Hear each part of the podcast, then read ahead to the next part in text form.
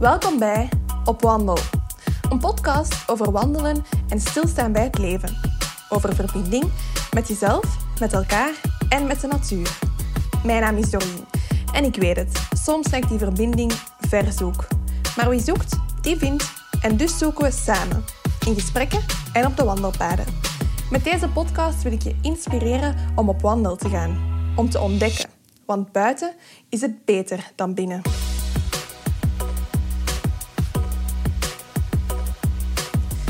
Radio 1 heeft een podcast, Twintigers genaamd. Een inspirerende podcast vind ik persoonlijk. Je hoort er twintigers, net als ik, vertellen over hun leven, hun dromen en hun visies. En een van de gasten daar was Ben Brumanje. Hij is wildplukker, wat wil zeggen dat hij in de natuur op zoek gaat naar voedsel. Paddenstoelen, planten, bessen, noten, bloemen. Iets wat vroeger courant werd gedaan door jager-verzamelaars, maar nu nog amper gebeurt. En net daarom nodigde ik Ben uit voor een wandeling. Want wanneer ik wandel in de natuur en ik naar het groen kijk, dan zie ik vooral gras, onkruid en planten. Maar ik zie geen voedsel, omdat ik niet weet wat er onder de grond zit, waar ik op moet letten, wat ik kan vertrouwen en wat niet. Het is een kunst die we verleerd zijn en iets wat ik eigenlijk heel graag opnieuw wil ontdekken, omdat het zo dicht staat bij onze natuurlijke staat van zijn. Veel dichter dan een bezoekje aan de koolruit. Jullie kennen Ben misschien wel al van Forest to Plate. Dat is zijn onderneming waarmee hij de natuur dichter bij de mensen wil brengen door ze mee te nemen op onder andere wildplukwandelingen. Maar hij heeft ook een outdoor webshop met kampeermateriaal en hij biedt zelf unieke overnachtingen in tipitenten aan in de buurt van zijn huis in Vironval, net over de grens met Frankrijk. En daar gingen we ook samen wandelen. Het is een prachtige regio in de Franse Ardennen, nog heel uitgestrekt en pittoresk zeker een bezoekje waard. Eventueel in combinatie met een wandeling rond Fonderie des Chiens in Nîmes, een oude ijzergroeve. Die route kan je vinden op opwandel.be. En wil je na deze wandeling meer weten over Ben?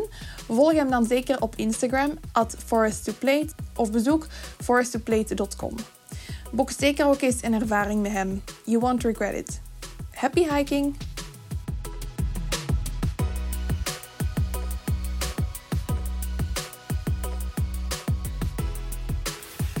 Ze noemen dat hier Le Petit Château.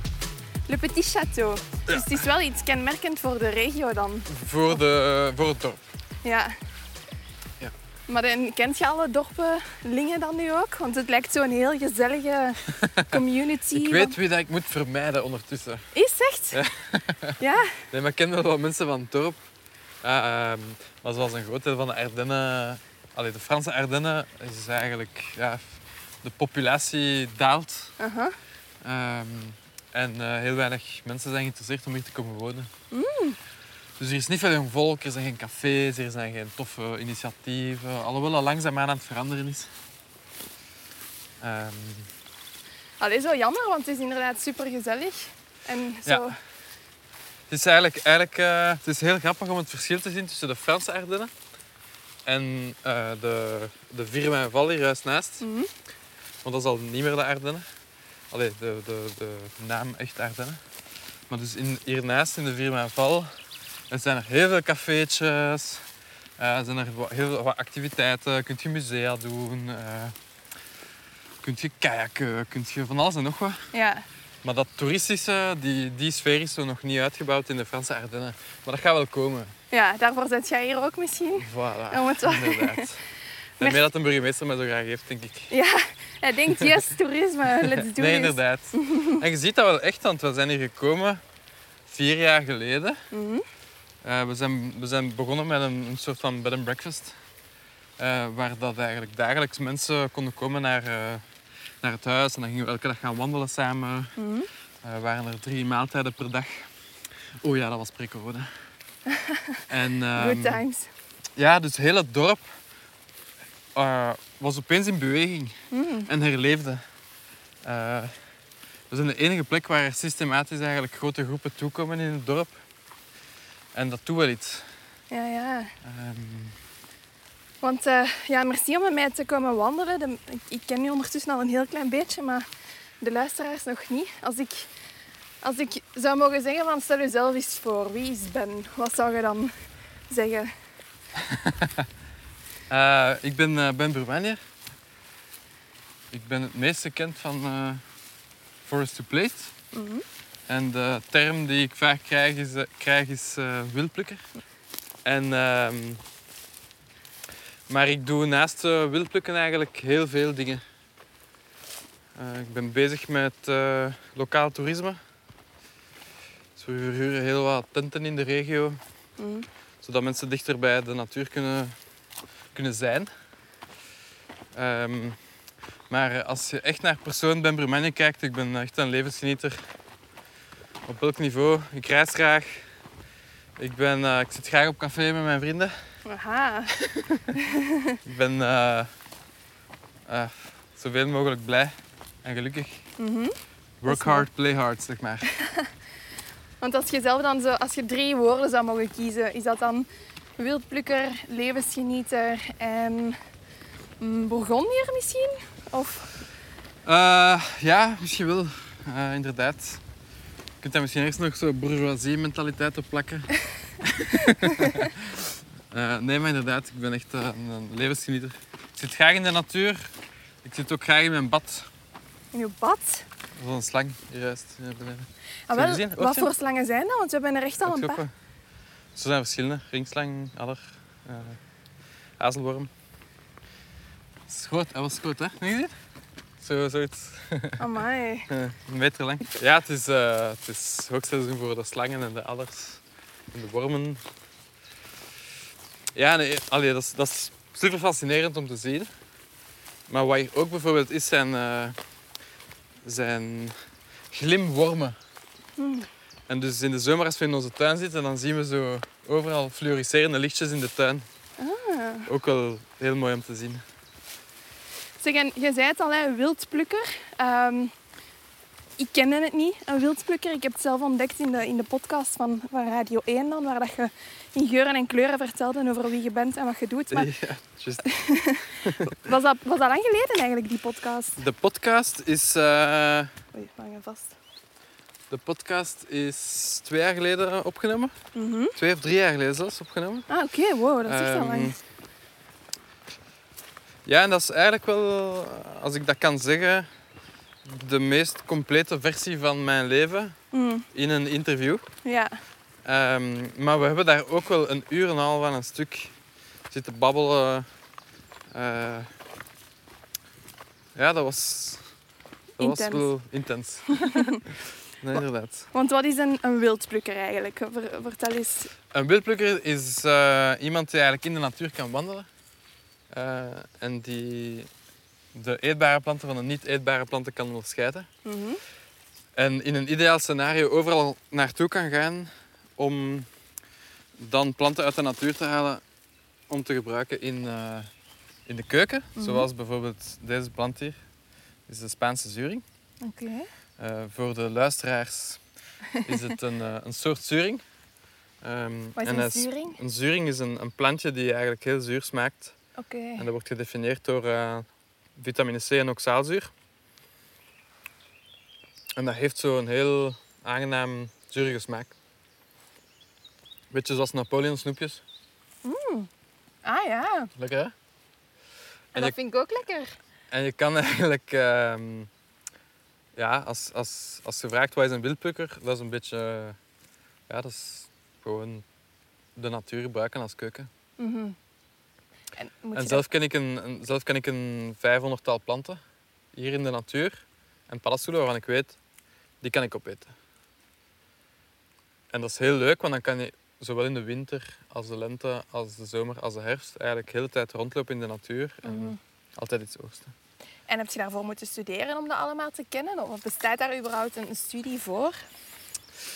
Ik heb zelf een opleiding gedaan als herborist. Want dat is niet helemaal hetzelfde, zeker? Nee, herborist, eh, de focus van herborist ligt op geneeskrachtige planten. Mhm. Eh, terwijl mijn interesse eerder uitging naar het eh, eetbare. Dus ik ben daarna begonnen met biolandbouw. En mij toegespitst. En ik ben toen toegespitst op alles wat te maken heeft met eetbare kruiden. Mhm. En eh, ik heb toen in verschillende bedrijven gewerkt. Eh, en bij een van de bedrijven moesten we ook eh, vlierbloesems gaan plukken en daslook gaan plukken. En we leverden dat toen aan, aan Sheraton Hotel Ah Ja. aan Soi. Zo wat de duurdere restaurants in Brussel. Ja? En zo, zo is mijn interesse wat opgewekt eigenlijk. Hm, Jij dacht, daar zit iets in. Goh, misschien, dat economische zat er toen denk ik helemaal niet in. Maar meer zo van, ah ja, dat, is, dat wordt in de hoogste culinaire cirkels in Brussel gebruikt. Mhm. En als je dan verder gaat zoeken, dan zie je dat bijvoorbeeld René Redzepi met Noma in Kopenhagen, een van de meest... Allee, misschien nog dan altijd de nummer één in, ehm, in de wereld, dat die, eh, dat die heel veel met wilde eetbare planten werken. En dan is het besef gekomen van, ah ja, misschien is dat inderdaad wel tof om te gebruiken in de Mhm. keuken. Hier is nog een heel interessante plant. Ja? Ik, ja, ik zie echt alleen maar netels en gras. Ja, in het begin En is, boterbloemen. eerlijk gezegd, in het begin is, ik ken het tien jaar geleden het verschil tussen rozemarijn en tijm niet. Mhm. Ehm, dat heeft heel lang geduurd om al die planten wat eh, uit elkaar te halen. Maar eh, als je er zo elke week twee of drie leert, dan lukt dat wel. Hm. Om ze te onderscheiden. Ik kan, ik kan er zelf niet meer dan twee of drie op een dag onthouden. Dus dat is mijn beste tip dat ik kan geven. Eh, het staat hier vol met wilde pastinaak. Pastinaak als in de witte pastinaak die we in de winkel ook zien? Of De pastinaak die we in de, wil, de pastinaak die dat we in de winkel zien, maar de oervorm. Oké. Dat is een beetje het verhaal van eh, waar al onze voeding vandaan komt. De tomaten, de patatten, de Mm. pompoenen, de courgetten, de druiven, de maïs, rijst, noem maar op. Die hebben bijna allemaal, bijna allemaal een wilde vorm. Dus je gaat in de natuur en je komt nog altijd tegen wilde aardbeidjes, wilde bramen, Mm. wilde enzovoort. Wilde bosbessen. En een van de dingen die er altijd heel veel groeien in de natuur, zijn wilde pastinaken. Het is eigenlijk dat dat we dan zijn gaan beginnen ehm, Cultiveren, cultiveren. Ja, dat is het woord. En waardoor dat wij nu de pastinaak kennen zoals we hem kennen. inderdaad. Mm.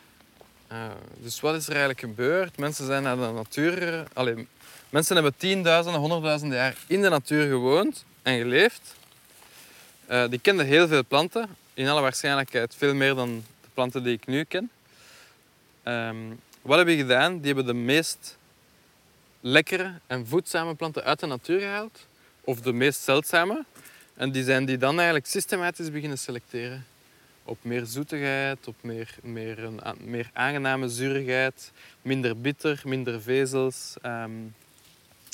En dan krijg je van die absurd grote appelen en Mhm. en patatten. En... Dat is eh, een wilde pastinaak. Dat is een, een vrij grote.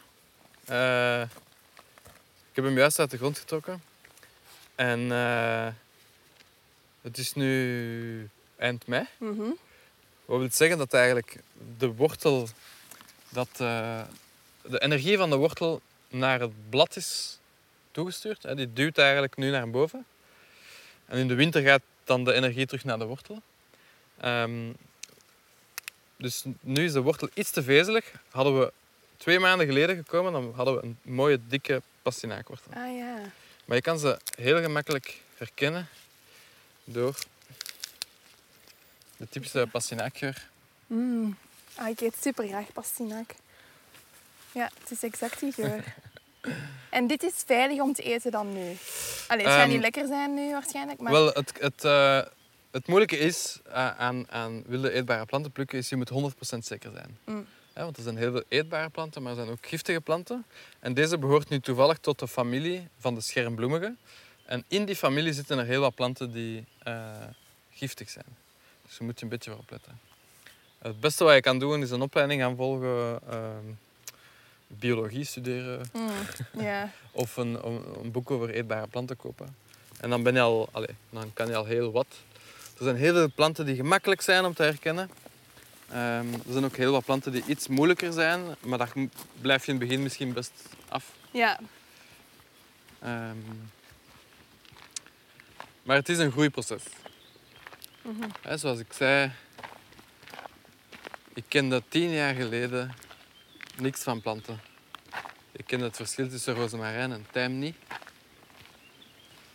En ondertussen ja, ken ik een vijfhonderdtal planten. Ja, maar het is zoals je zegt, want het feit dat ik de term wildplukker niet kende... Allee, er is zowel... Het is een vergeten kunst eigenlijk, om het zo te zeggen. Hè? Dat planten eten, omdat gewoon onze winkels liggen vol. En we Ja. moeten maar gewoon gaan halen waar dat we zin in hebben. En we denken er eigenlijk niet meer over na.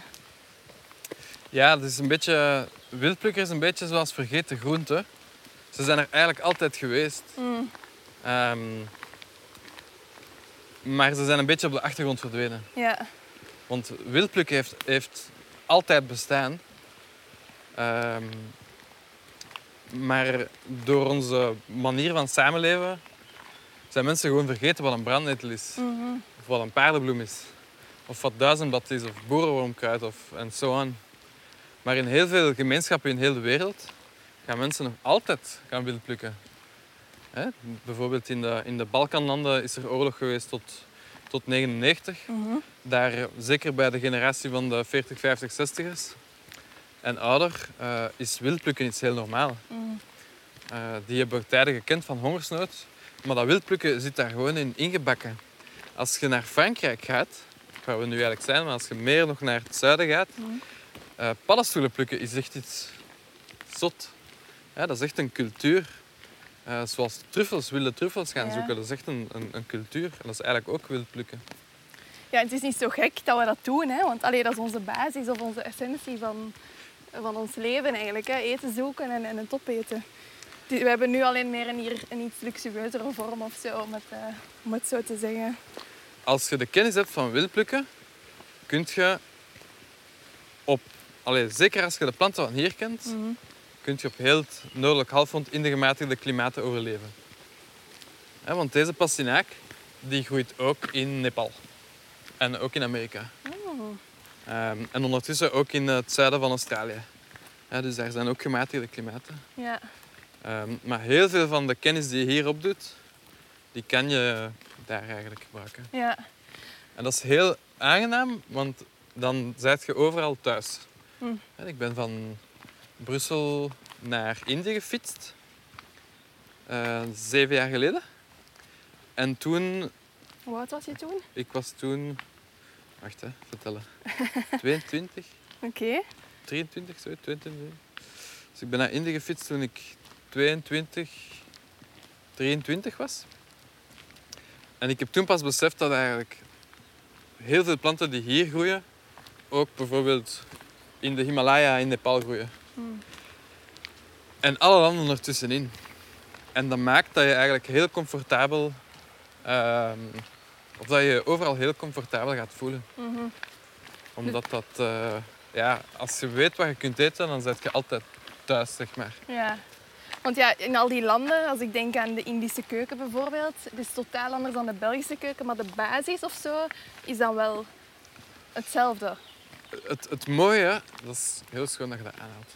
Het mooie aan al die verschillende culturen is dat elke cultuur, hè, België, Servië, Turkije, ehm, Nepal, dat die allemaal een verschillende manier hebben om brandnetel klaar te maken. Mm.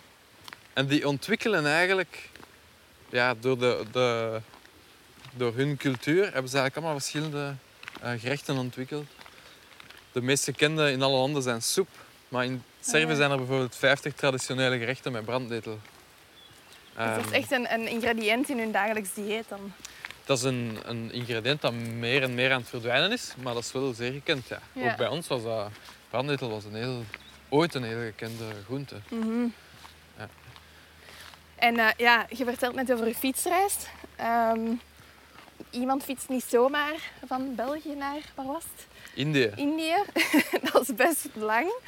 Ehm, wat, wat was uw drijfveer om, om dat te ondernemen? Daar heb ik even goed nadenken. Want hoeveel Wat was mijn dat drijfveer? Ehm, dus de, de, de, tot zes of 8000 kilometer, ik ben het eigenlijk al vergeten. Ehm, maar eh, eh, die, ja, die weg naar Indië was eigenlijk voor mij persoonlijk om, om in contact te komen met de lokale mensen Mhm. en op zoek te gaan naar ehm, de mensen die nog specifiek die kennis hadden over die planten. Mhm. En dat is mij ook wel gelukt. Ehm, ik ben verschillende mensen tegengekomen op reis die mij hun planten hebben laten zien. Die ze culinair gebruikten, ook geneeskrachtig gebruikten. Eh, en het was vooral die, die laatste traditie waar ik nog naar op zoek was. Want het spijtige aan, aan de reis is dat ik door had van binnen twee generaties is al die kennis weg. Mhm. En dat is ook de reden waarom ik uiteindelijk ben, eh, documentaires begin, ben beginnen maken.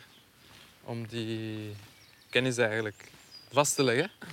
En heb je heel die tocht dan ehm jezelf gevoed met planten? Allee, zijn planten ook voldoende om, om, om, Nee. om te overleven? Nee, dat heb ik dus absoluut niet gedaan. Ja. Ehm, ik heb heel veel wilde eetbare planten gegeten. Maar eh, als je 150, 100, 150 kilometer per dag fietst, dan kun je echt een paard opeten, bij wijze van spreken. Ehm, ik ben heel veel eh, op restaurant geweest onderweg. Ik ben heel veel uitgenodigd door mensen. Eh, ik had zelf een gasvuur, dus ik kon altijd koken. Ja, oké. En daar kwamen vaak eh, ingrediënten aan te pas vanuit de natuur.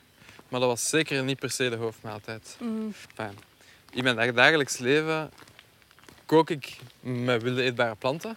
Niet alle dagen. Maar dat is meer een deel van mijn leven dan dat ik alleen wilde eetbare planten eet. Mhm.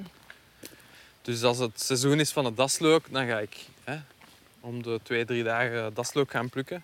Of om de week daslook gaan plukken. Dan heb ik dat twee, drie dagen in mijn frigo. Wat kan je met daslook doen?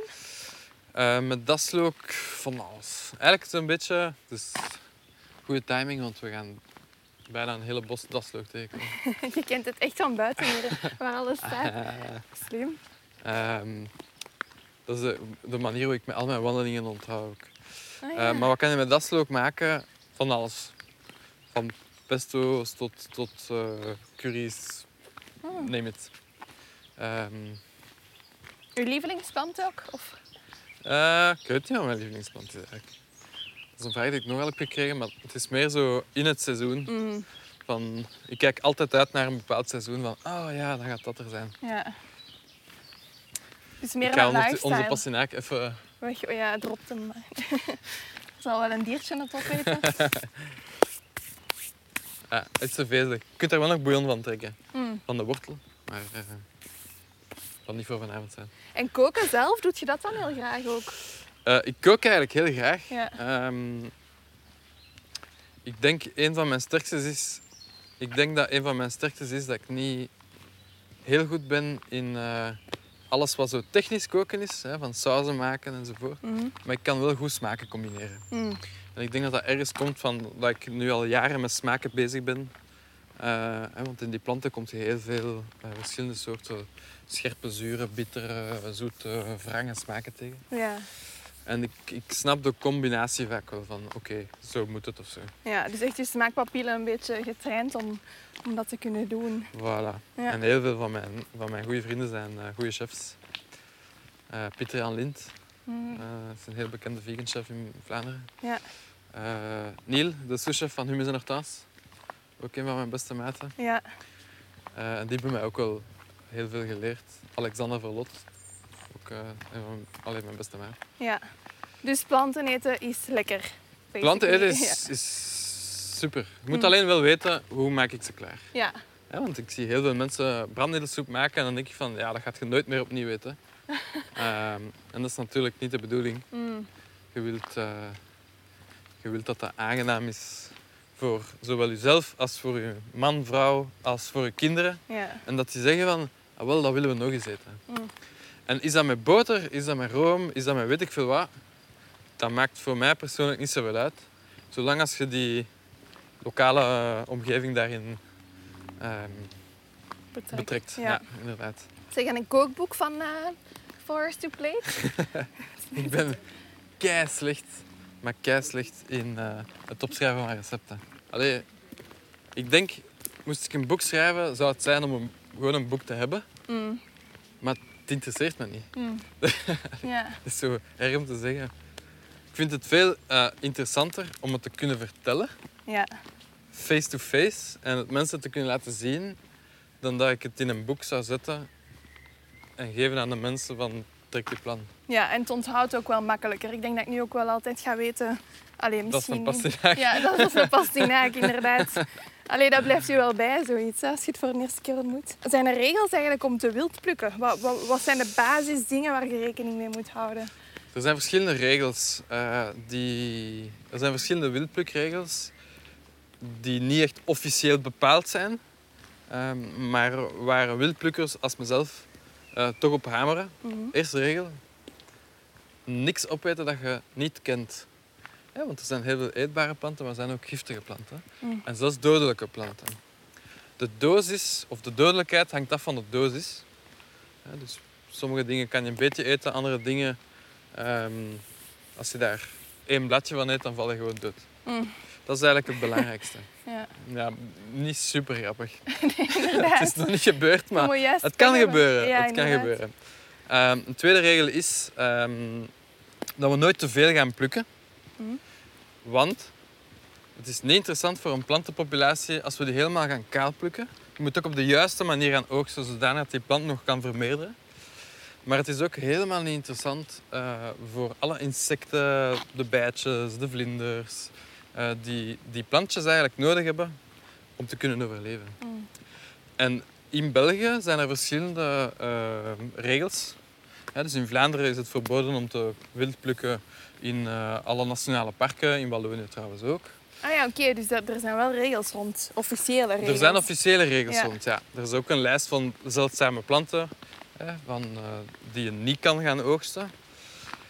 Ehm, in Wallonië zijn ze iets minder strikt dan in Vlaanderen. Eh, er, is ook heel, er is ook veel meer natuur in Wallonië. Ehm, maar er zijn regels. Er zijn wildplukregels en het is belangrijk dat je die handhaaft. Want als iedereen maar zo gewoon wat begint te plukken, dan eh, gaat het niet goed aflopen, denk ik. Nee, ja. Dus Denk je moet het bewust doen eigenlijk. Bewust Je plukken. moet het bewust doen. Ehm, je moet niet met je grasmaaier alle daslook gaan afmaaien, bij wijze van spreken. Dat is daarom dat dan mijn maaivrij bijvoorbeeld nu ook is in, in Ja, dat is vanuit het veld. Ja. Mhm. Nee, dat is eigenlijk ide- ideaal. Want als je, allee, een, denk een van de redenen waarom dat veel Vlamingen naar Wallonië gaan, of nu de Franse Ardennen, is omdat ze juist die, dat wilde graag zien. Ja, tuurlijk, ja. En dan vind ik het dergelijke initiatieven, als mooist mei, mei, vrij, vrij mei, mei, Mijn maaivrij, ja. dan is dat wel goed, want dat, dat geeft terug wat dat, waar dat we eigenlijk naar op zoek zijn. Mhm. Het is alleen jammer dat het maar voor een maandje is, hè. Want ja, Voilà, 1, maar je moet 1 ergens starten. Hè? Ja, zwaar. Het is een beetje zoals die, hoe heet dat, veggie week of zo, veggie maand. Zo. Ja, ja, 30 dagen zonder vlees. Ja, voilà. ja. Ja, zwaar. Het creëert een, een draagvlak of zo. Het creëert een draagvlak. Mhm. Ik denk dat dat het belangrijkste is.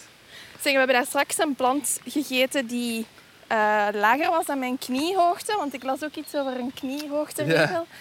Dus er zijn eh, verschillende regels, waaronder eh, dat je eigenlijk altijd je planten het liefst kookt. Hè, dan is alles dood. Mm. Maar voor je ze kookt, heel goed wassen.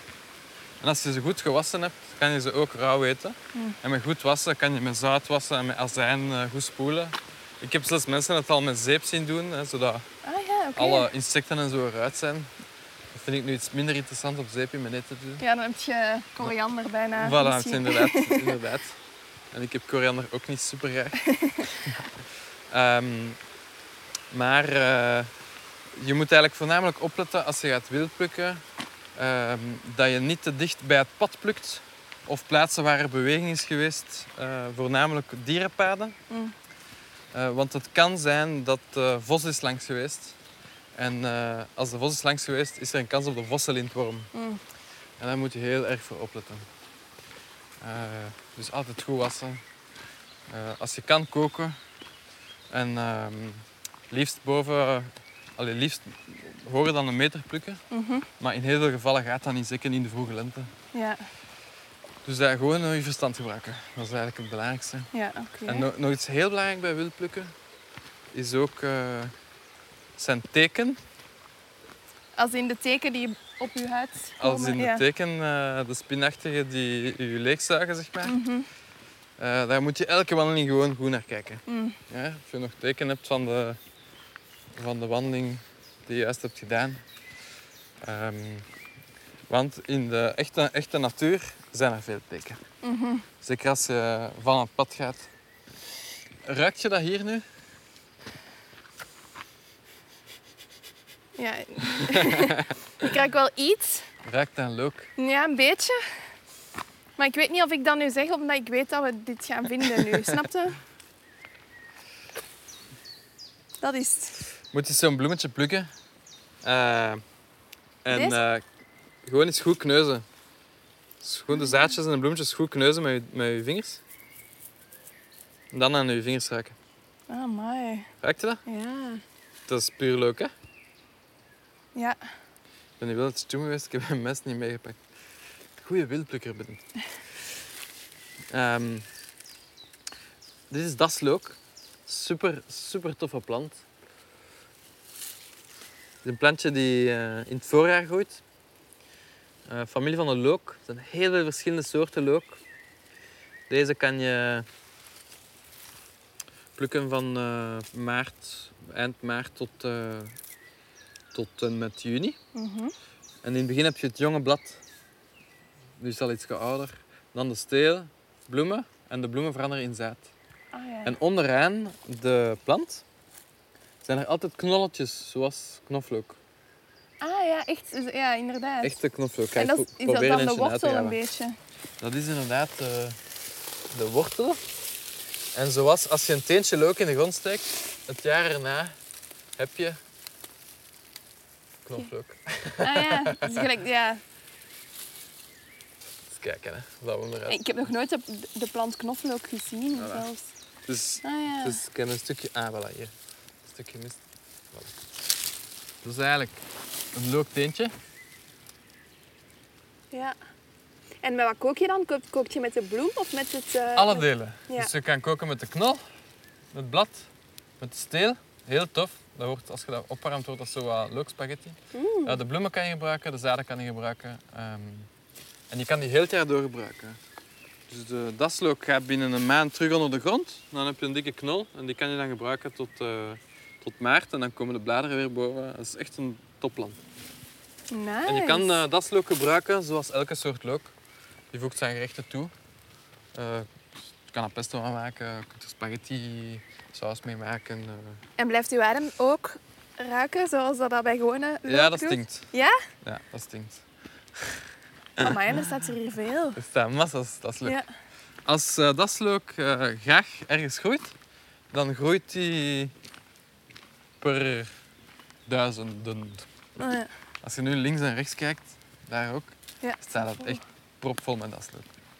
Wel opletten eh, dat je als je daslook gaat plukken, dat je ze enkel plukt op plaatsen waar het mag. Mm. Hè, dus niet in natuurgebieden of zo, Mhm. op beschermde plaatsen. En bij daslook, heel belangrijk, er zijn twee soorten die er heel sterk op lijken en die giftig of dodelijk zijn. Dat is aronskelk en eh lelietje van Dalen of het meiklokje. Is het meiklokje giftig? Als je het meiklokje opeet, dan eh, mogen ze je afvoeren naar het ziekenhuis. Ah. En de aronskelk? En de aronskelk, die, daar gaat je niet dood van gaan, maar is blijkbaar eh, giftig omdat het heel veel oxaalzuur bevat, Mm. zoals in rabarber. Mhm. En dat bindt je calcium. Eh, en door, dat bindt het zo sterk dat je lichaam geen calcium meer kan opnemen, waardoor je ontkalkt. Mm. Dus je valt wijze van spreken in elkaar. Oei. Oké, niet, niet goed. Niet in Nee. elkaar vallen. zo klinkt het niet, Niet inderdaad. Maar, en, en want je zei daarnet, hè, ehm, herboristen gebruiken het meer voor de geneeskrachtige ehm, aandelen van, van die planten dan. Ja. Maar allee, wat zijn de voordelen aan planten eten? Is dat ook effectief gezonder voor ons? Of? In wilde eetbare planten zitten heel veel stoffen die niet in onze gecultiveerde voeding zitten. Mhm. Waarom? Elke individuele plant heeft een bepaalde structuur. En als je dat chemisch gaat ontleden, ehm, dan zie je dat de, de secundaire plantmetabolieten van elke individuele plant uniek zijn aan de plant. En wat is het mooie daaraan? Dus elke plant heeft zijn eigen zure stoffen, eh, zoet, zout, wrang, eh, scherp, bitter enzovoort. Mhm. En achter die smaken zitten duizenden en duizenden combinaties aan dingen. Al die specifieke stoffen hebben een bepaalde reactie op je lichaam. De ene op je hart, de andere op je maag, de andere op je spijsvertering, de andere een combinatie van van alles. Ehm, maar die zijn dus inderdaad heel gezond. Om het in een notendop te zeggen, ja, er zijn heel veel stoffen in planten eh, die je niet kan terugvinden in onze gecultiveerde voeding. Ja. En dat maakt het interessant om die planten te gaan eten. Ja. Ze zijn bovendien vers. Als je ze gaat plukken, behoud je de maximale capaciteit aan mineralen, vitamine en secundaire stoffen. Mhm. En dat maakt het eten van die planten zo, zo leuk. ja. Bovendien is de buitenervaring, dus het naar buiten gaan, ja. is een heel eh, bijna spirituele bedoeling. En dat is iets waar dat je nog meer dan wandelen, vind ik persoonlijk, heel sterk van ontspant. Je bent echt in het moment als je aan het plukken bent echt in het ja. moment. Mhm. Ja, ja. En ook nadien, als je de luxe en de tijd hebt om te koken met die planten, moet je vaak hè, veel pellen. En, en, hè. Maar als je dat graag doet, dan is dat ook wel een moment dat je zegt, oké, ik kan daarin ontspannen. Mhm. Dus een vorm van meditatie ook. Vorm van meditatie. Mhm. En als je veel vlierbloesemsiroop gaat maken, dan kun je veel bloemen gaan plukken bijvoorbeeld. En dan zit je misschien twee, drie uur bloemen te plukken. Maar je zit wel zo in dat moment. Ehm, Dus, ja, dus eh, fysieke voordelen zijn zowel als in ja, de voedingsstoffen, maar ook als in de activiteit en het dichter bij jezelf komen. Ja, inderdaad. Allee, ik denk, het mooiste geschenk dat je kunt krijgen is het besef dat de natuur meer is dan gewoon een hoop bomen en planten. Eh, want dat is het niet. Hè? De Adam en Eva zijn in de tuin van Eden gedropt en dat is waar. Alles, elke, elke plant, elke boom, alles wat we zien, elke paddenstoel is bruikbaar. Alles. De ene is misschien super giftig als je ze opeet, maar in homeopathie eh, Mhm. wordt ze dan wel gebruikt. Ehm, maar dat is, dat is eigenlijk heel... Allee, dat is het fijne, denk ik. Vroeger ging ik in de natuur en zag ik groene dingen, hè, bomen en planten. En nu zie ik eigenlijk ja, honderden dingen waarvan ik weet van... Dat ga ik vanavond opeten. Ja. Of, of dat ga ik meenemen om te drogen, want dat kan ik gebruiken als thee. Of... En dat is... Allee, Het is terug leren kijken zo, hè? het is echt leren kijken. En het, het rare is dat we als samenleving, hè, zelfs mensen die biologie hebben gestudeerd, drie, vijf, zes, acht jaar, dat die in de natuur komen en eigenlijk niet weten wat ze kunnen gebruiken om op te eten. Dat vind ik super absurd. Mhm. We hebben 12, 12, 15, 20 jaar op school gezeten en we weten eigenlijk niet zo goed. Nee, nee, effectief. Ja, dat is gewoon crazy. ja. ja. En Allee, niet alleen met de natuur, maar met, ja, met heel, Met heel veel zaken. hè. ja, leven Ja, ja. gewoon. Ja, ja, inderdaad. Ja, ja. ja. Mhm. Ehm, deze plant is eh Moeraspirea. Moeraspirea. Moeraspirea. Oké. Het is hier vochtig, half schaduw. We zijn dicht bij het water. Moeraspirea is... eh, daar zit een bestanddeel in. Een stof, die heet salicylzuurglycoside. En dat is het basisbestanddeel van aspirine.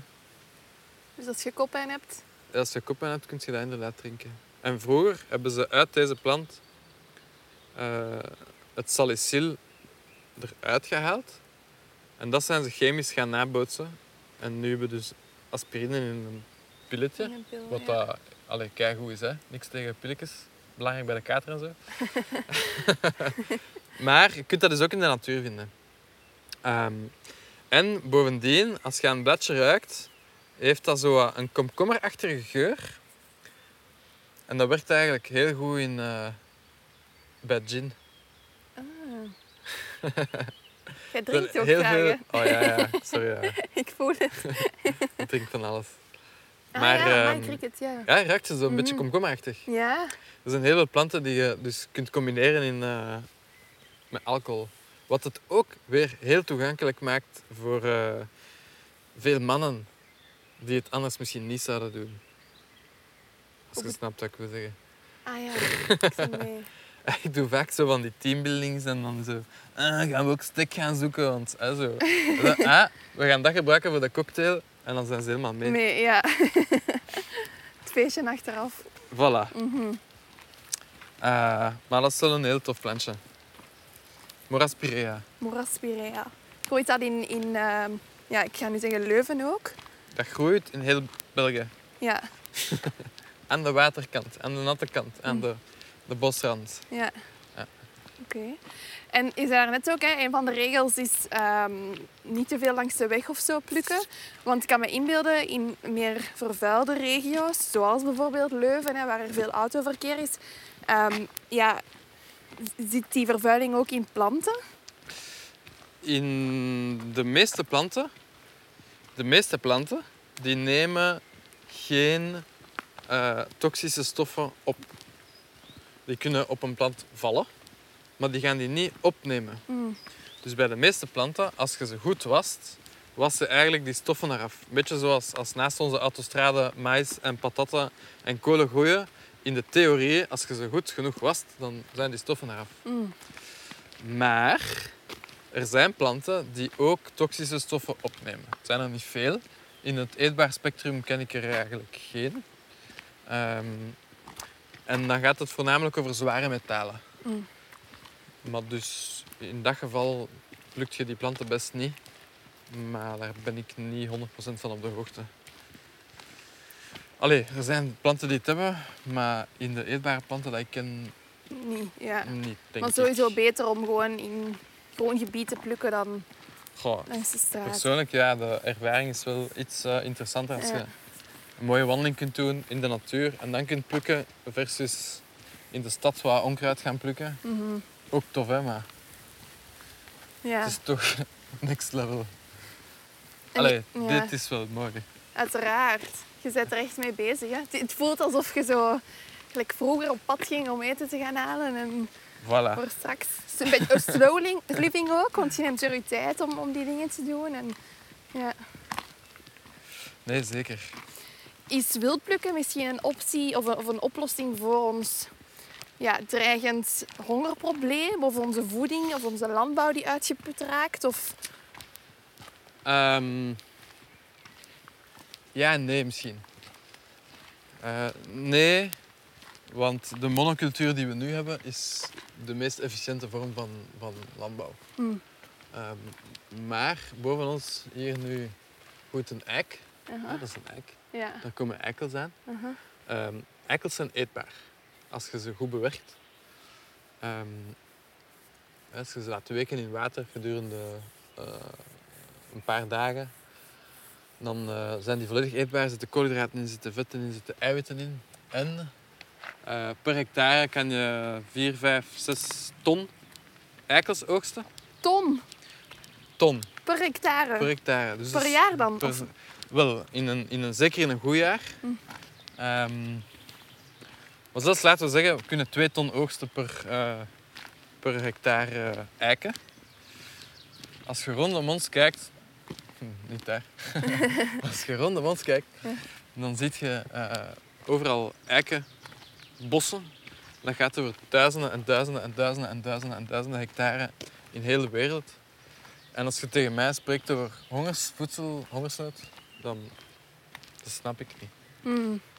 Eh, ik snap het niet. Maar het is vooral voor degenen die het weten, is het echt survival food, zeg maar. Mhm.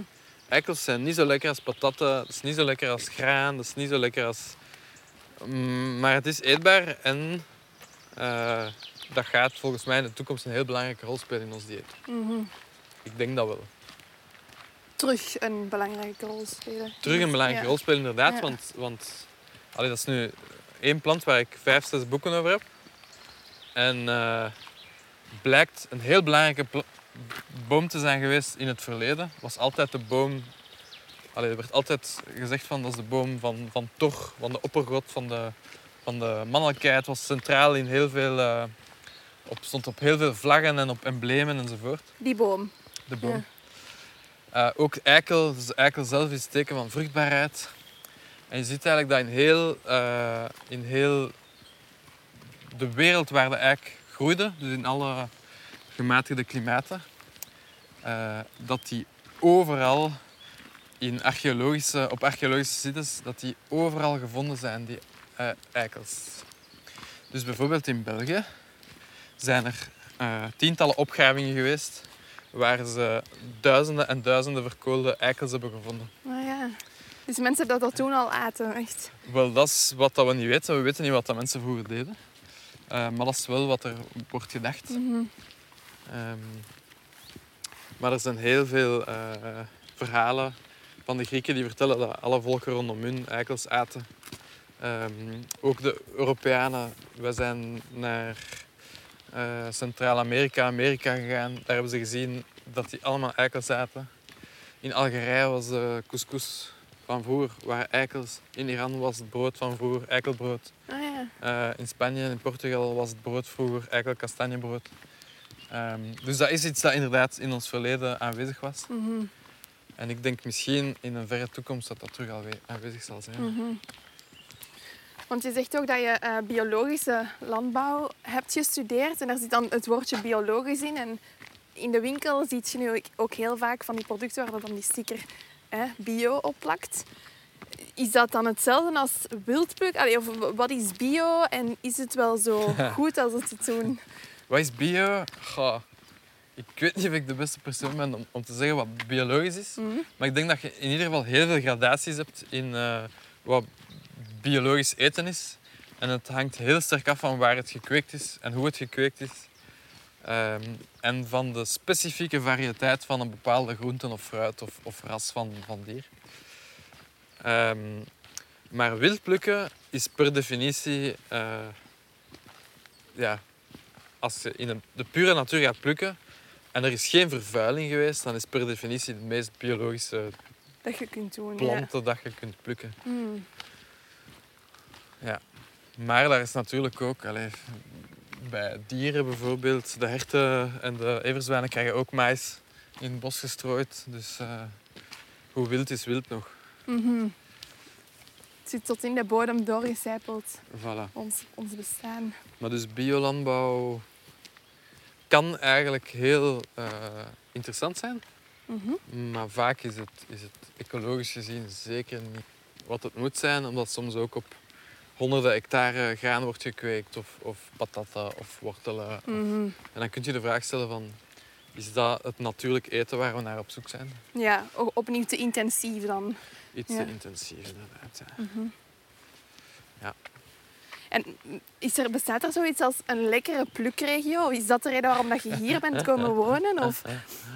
Eh, een lekkere plukregio. Ehm, ja, ik, ik vind eigenlijk alle plaatsen wel interessant. Hè? Zowel hier als eh, in Thailand. Hè?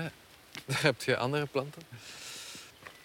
Maar het is voornamelijk waar er veel natuur is en waar er veel biodiversiteit is, gaat je altijd interessante planten vinden. Zolang als je eh, niet in de meest noordelijke of zuidelijke delen van de... Als je op de Evenaar gaat zitten, ja, daar is niet zoveel te plukken. Nee, natuurlijk. ja. Maar hier in de Franse Ardennen, als je nu over dat veld hier kijkt, dan zie je gewoon tientallen en tientallen soorten planten. En dat is iets wat je gewoon niet meer heel vaak tegenkomt. En hier kun je oneindig veel plukken, zonder dat er iemand iets van merkt. Dat is wel... ja. Dus het is hier vooral een, rijke plukregio. Hier is het een goede plukregio. Ja. Als je het zo kunt zeggen. Brandnetels, beddenvliet. Ja, superveel. En misschien om terug te komen tot eh, allee, waar we daar straks zijn afgehaakt, uw drijfveer om, om die reis te ondernemen. Want je was een totaal andere persoon voordat je die reis deed. Ik was een ander persoon, ja. En ik ben nu een ander persoon dan toen ik terugkwam ook. Ook, ja. Ja, zeker. Ehm, ik ben echt vertrokken als halve jaar hippie. no responsibilities. Eh, en ik ben teruggekomen als... eh, ja, misschien iemand die, die goed in zijn voeten stond. En ik had vooral zin om, om, om te beginnen aan het leven of zo. Ik had zo, Mhm. kom, let's do it. Als ik deze kan doen, dan kan ik, kan ik de anderen ook wel Ja. aan. Ehm, maar ik ben dan in de, in de, de jaren nadien ben ik eigenlijk elk jaar wat meer geëvolueerd, zeg maar. in, eh, in alles wat ik gedaan heb. Ja. Want wat was uw drijfveer om te vertrekken? Mijn drijfveer om te vertrekken naar Indië met de fiets was... Ik wou absoluut een opleiding eh, planten doen in... eh, Ayurveda was dat in Indië. En ik dacht, waarom ga ik met het vliegtuig als ik met de fiets kan? Ik wou ook heel graag naar Iran. Eh, maar dus mijn oorspronkelijke bedoeling om, om naar Indië te fietsen, was om in India te blijven en daar eigenlijk een opleiding eh eh, Ayurveda te doen. Ah ja. Eh, is er nooit van gekomen. Ik ben ook heel blij dat ik dat niet heb gedaan. Ehm, Wat is Ayurveda weer? Ayurveda. Ja, Ayurveda is eigenlijk de totaal formule van gezondheid op elk niveau.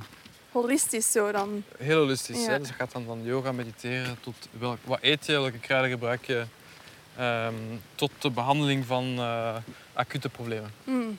Ja, het is eigenlijk een heel eh, andere kijk op, op, op eh, hoe we leven en, en hoe mensen ziek worden en hoe je mensen kunt genezen. Mhm. En voor de rest is het heel complex en ik ken er niet zoveel van. Oké. En blij nu dat je het niet gedaan hebt.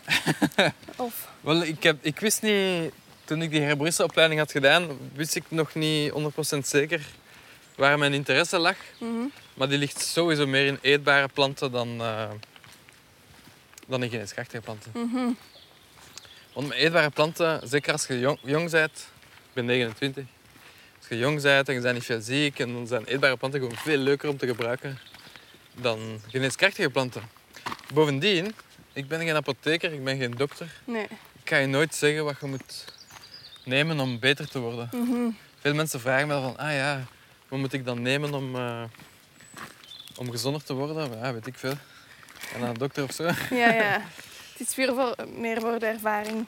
Ja, voilà. Ja. Maar voor mijn eigen wel. Allee, voor mijn eigen, ik weet van bepaalde planten, dat heeft dat effect. Oké, ja, dan, dan pluk ik dat voor mijn eigen. En, Mhm. Maar ik zal nooit mensen aanraden of advies geven. Of niet meer in ieder geval. Nee. Toen ik jonger was, deed ik dat misschien wel. Maar dan voornamelijk bij mijn dichte vrienden. Wat mij veranderd heeft na een lange fietstocht. ehm, is misschien dat als je veel alleen bent en niet in contact staat met je familie, niet in contact staat met je, met je vrienden, Mhm. dan heb je de mogelijkheid om jezelf misschien iets meer te ontwikkelen. Mm. Je kunt je masker, je persona afzetten en je kunt je eigenlijk volledig laten gaan. Je kunt bij wijze van spreken bij eh, een super racistische familie aan tafel gaan zitten en de dag erna zit je bij een extreem eh, katholieke familie aan tafel en de dag erna zit je met moslims aan tafel en de dag erna zit je... En je luistert en je, en je neemt gewoon op en je hebt geen mening, zeg Mm. maar. Ehm, en ik vond dat misschien het interessantste aan de reis, is dat je eigenlijk heel veel mensenkennis meekrijgt. Ehm, en dat dat wel heel... ja, Mhm. Het is wel heel interessant om, eh, om te weten ook hoe de wereld eruit ziet. Of zo. Ja, op andere En als je plekken. altijd zegt van, ja, dat boeit me niet, of, of, of nee, dat doe ik niet, of, of ja, daar luister ik zelfs niet naar, ik wil het niet horen of zo. Ja, dan gaat je ook natuurlijk nooit, eh, gaat je nooit iets bijleren natuurlijk. Hè. Nee. Zelfs al wil je het niet bijleren, denk ik dan. Je bent echt als een, een, een leeg blad of zo vertrokken. Je hebt Ja. je echt laten onderdompelen door alles wat je tegenkwam.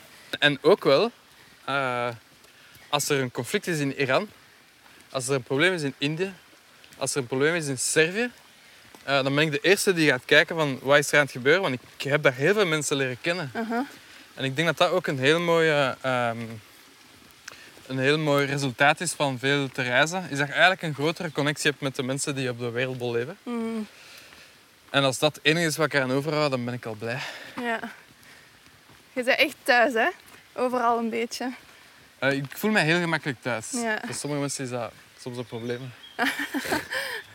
Wat, wat, wat ben je nu aan het doen met eigenlijk die ervaringen die je op die reizen hebt gecreëerd? Mijn eh, ouders zijn hier twintig jaar geleden in de buurt eh eh, toegekomen, hebben hier een vakantieverblijf gekocht. En ik kwam hier als kind in deze regio eigenlijk eh, heel vaak. Mhm. En tijdens mijn jeugd zat ik dan liever in Brussel. Als mijn ouders dan hier zaten. For obvious reasons. Mhm. Ehm, en het is eigenlijk pas na mijn herboristenopleiding dat ik beseft had van, amai, dat is eigenlijk wel een heel schone regio. Mhm. En dan heb ik jarenlang bij mijn ouders eh, workshops, teambuildings, wandelingen gedaan.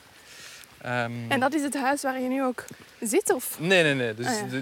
dat is op een zevental kilometer van hier. En dan toevallig stond eh, dit huis te koop. En dat viel eigenlijk perfect samen met mijn eh, persoonlijke en professionele ja, activiteit, zeg maar. Ja. En ondertussen geef ik nu al vier jaar hier wandelingen. En het is en blijft een superschone regio. En Eh, echt wildplukwandelingen. Dus om mensen in contact te brengen met het... Ja. Is dat uw doel nu ook? In... Wel, ik denk het mooiste aan de wildplukwandelingen is dat mensen die weten wat er eetbaar is, die gaan de natuur meer respecteren Mhm, en minder kapot maken. mhm. En eh, je ziet eigenlijk dat er een hele beweging is naar een soort eh, voedselbos waar je wild en gecultiveerd combineert. Mhm. En dat vind ik een heel mooi resultaat van, eh, van wat dat we doen. Is dat mensen eigenlijk niet meer nee zeggen tegen onkruid, maar dat gaan aanvaarden, bij zo'n spreken. Mhm. Dat ze er niet meer gaan staan met een roundup, zo alles staan plat spuiten, maar dat ze het wilde terug eh embracen. Ja. En dat is denk ik, allee, ik denk dat dat de mooiste boodschap is die dat we kunnen geven. Wat, wat de mensen er zelf mee doen, hè, dat is eh, helemaal aan hun. Maar, jij biedt het opstapje eigenlijk. Eigenlijk wel. Mhm. Want we hebben ook niet echt een, een, een, een grote jaaropleiding. Ehm, we geven eerder hè, workshops van een halve dag of van een dag of van twee dagen, max. Maar eh, het is inderdaad dat opstapje, dat duwtje voor mensen van eh, dat bestaat. Je kunt er iets mee doen.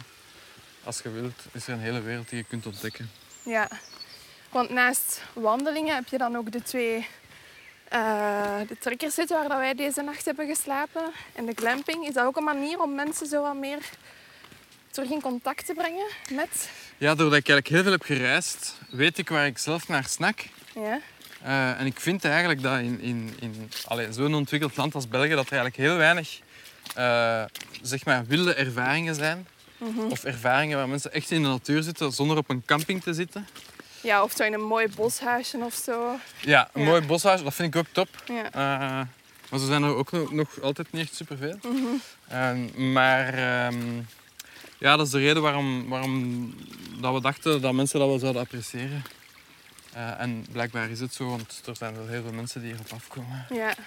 En het is, allee, we zoeken ook altijd eh, verschillende concepten. We proberen elk jaar zo wat een nieuw concept uit. Er zijn heel veel mensen die altijd terugkomen. Maar ook binnenin de prijscategorieën zoeken we naar... Ja, de glampers die hebben wat meer geld. De trekkershutten, Mhm. dat is al meer zo eh, gemiddeld budget. Ja. Ehm, en we blijven eigenlijk zoeken naar manieren zodat het betaalbaar blijft voor iedereen. Ja. Ja. Voor iedereen toegankelijk. Voor iedereen toegankelijk inderdaad. En zijn er nog zo dingen waar je... Want je- allee, Forest to Plate is dan is wel de naam.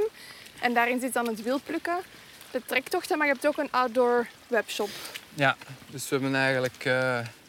allee, wat dat we heel graag zouden doen, is eigenlijk de mogelijkheid bieden ehm, dat mensen het zelf zouden kunnen doen. Bij hun thuis, maar ook professioneel. Hè, dat ze zelf een activiteit ehm, of zelf een, een, eh, een bed and breakfast starten met tenten of zo. Mhm. Ehm, en in een later stadium denk ik dat we ook een, een platform willen worden dat eh, al die concepten met elkaar linkt. Mm, ja. Dus dat je eigenlijk van, Gelijk- van, trekkershut naar glamping, naar tiny house, naar eh, weet ik veel wat kunt wandelen. Weet je, de Airbnb van de slow concepten Ja, maar, zo, maar kleinschalig. Ja. Dus dat je eigenlijk gewoon tochten hebt eh, waar je van plaats X naar plaats Y kunt wandelen. En als je toekomt, dat alles klaar staat. Ja, het water, eh, eventueel eten. Dat zou wel heel tof zijn. Dat is uw droom. Goh, dat is, eh, ik heb veel dromen. Mhm. Dat zou tof zijn als dat zou verwezenlijkt worden. Heb je nog andere dromen? Mm, veel. Heel veel. ja? Een van mijn, allee, een van mijn grootste dromen zou misschien zijn om eh, op, ergens op een heel grote boerderij te kunnen wonen. En dan aan landbouw te doen. Het is echt voedselproductie, maar dan in de vorm dat ik het zelf persoonlijk zie. Mhm. Dus misschien iets wilder. Eh, maar dat is dus een van de dromen, een grote boerderij starten. Voedsel voorzien voor mensen. Mensen kunnen ontvangen. Ja, Beetje zelfvoorzienend leven. Zo is het allemaal begonnen. ja. Een beetje back to the roots. Ja, dat zou ik wel fijn vinden. Is dan de cirkel rond? Als dat zo zou zijn. Ja, misschien wel. Als je geniet van gesprekken en wandelingen als deze, vergeet dan zeker niet om je te abonneren of een rating te geven. Je kan op Wandel ook steunen met een gift. En hoeveel kies je helemaal zelf. Alle info vind je samen met de show notes op www.opwandel.be. En wil je helemaal niets missen van de Opwandelavonturen? Volg ons dan op Instagram, opwandel, en word lid van de gratis Facebook community. Tot de volgende opwandel dus. Maar wacht vooral niet tot dan om zelf al in je wandelschoenen te springen. Want je weet, een dag niet gewandeld is een dag niet geleefd. Ciao!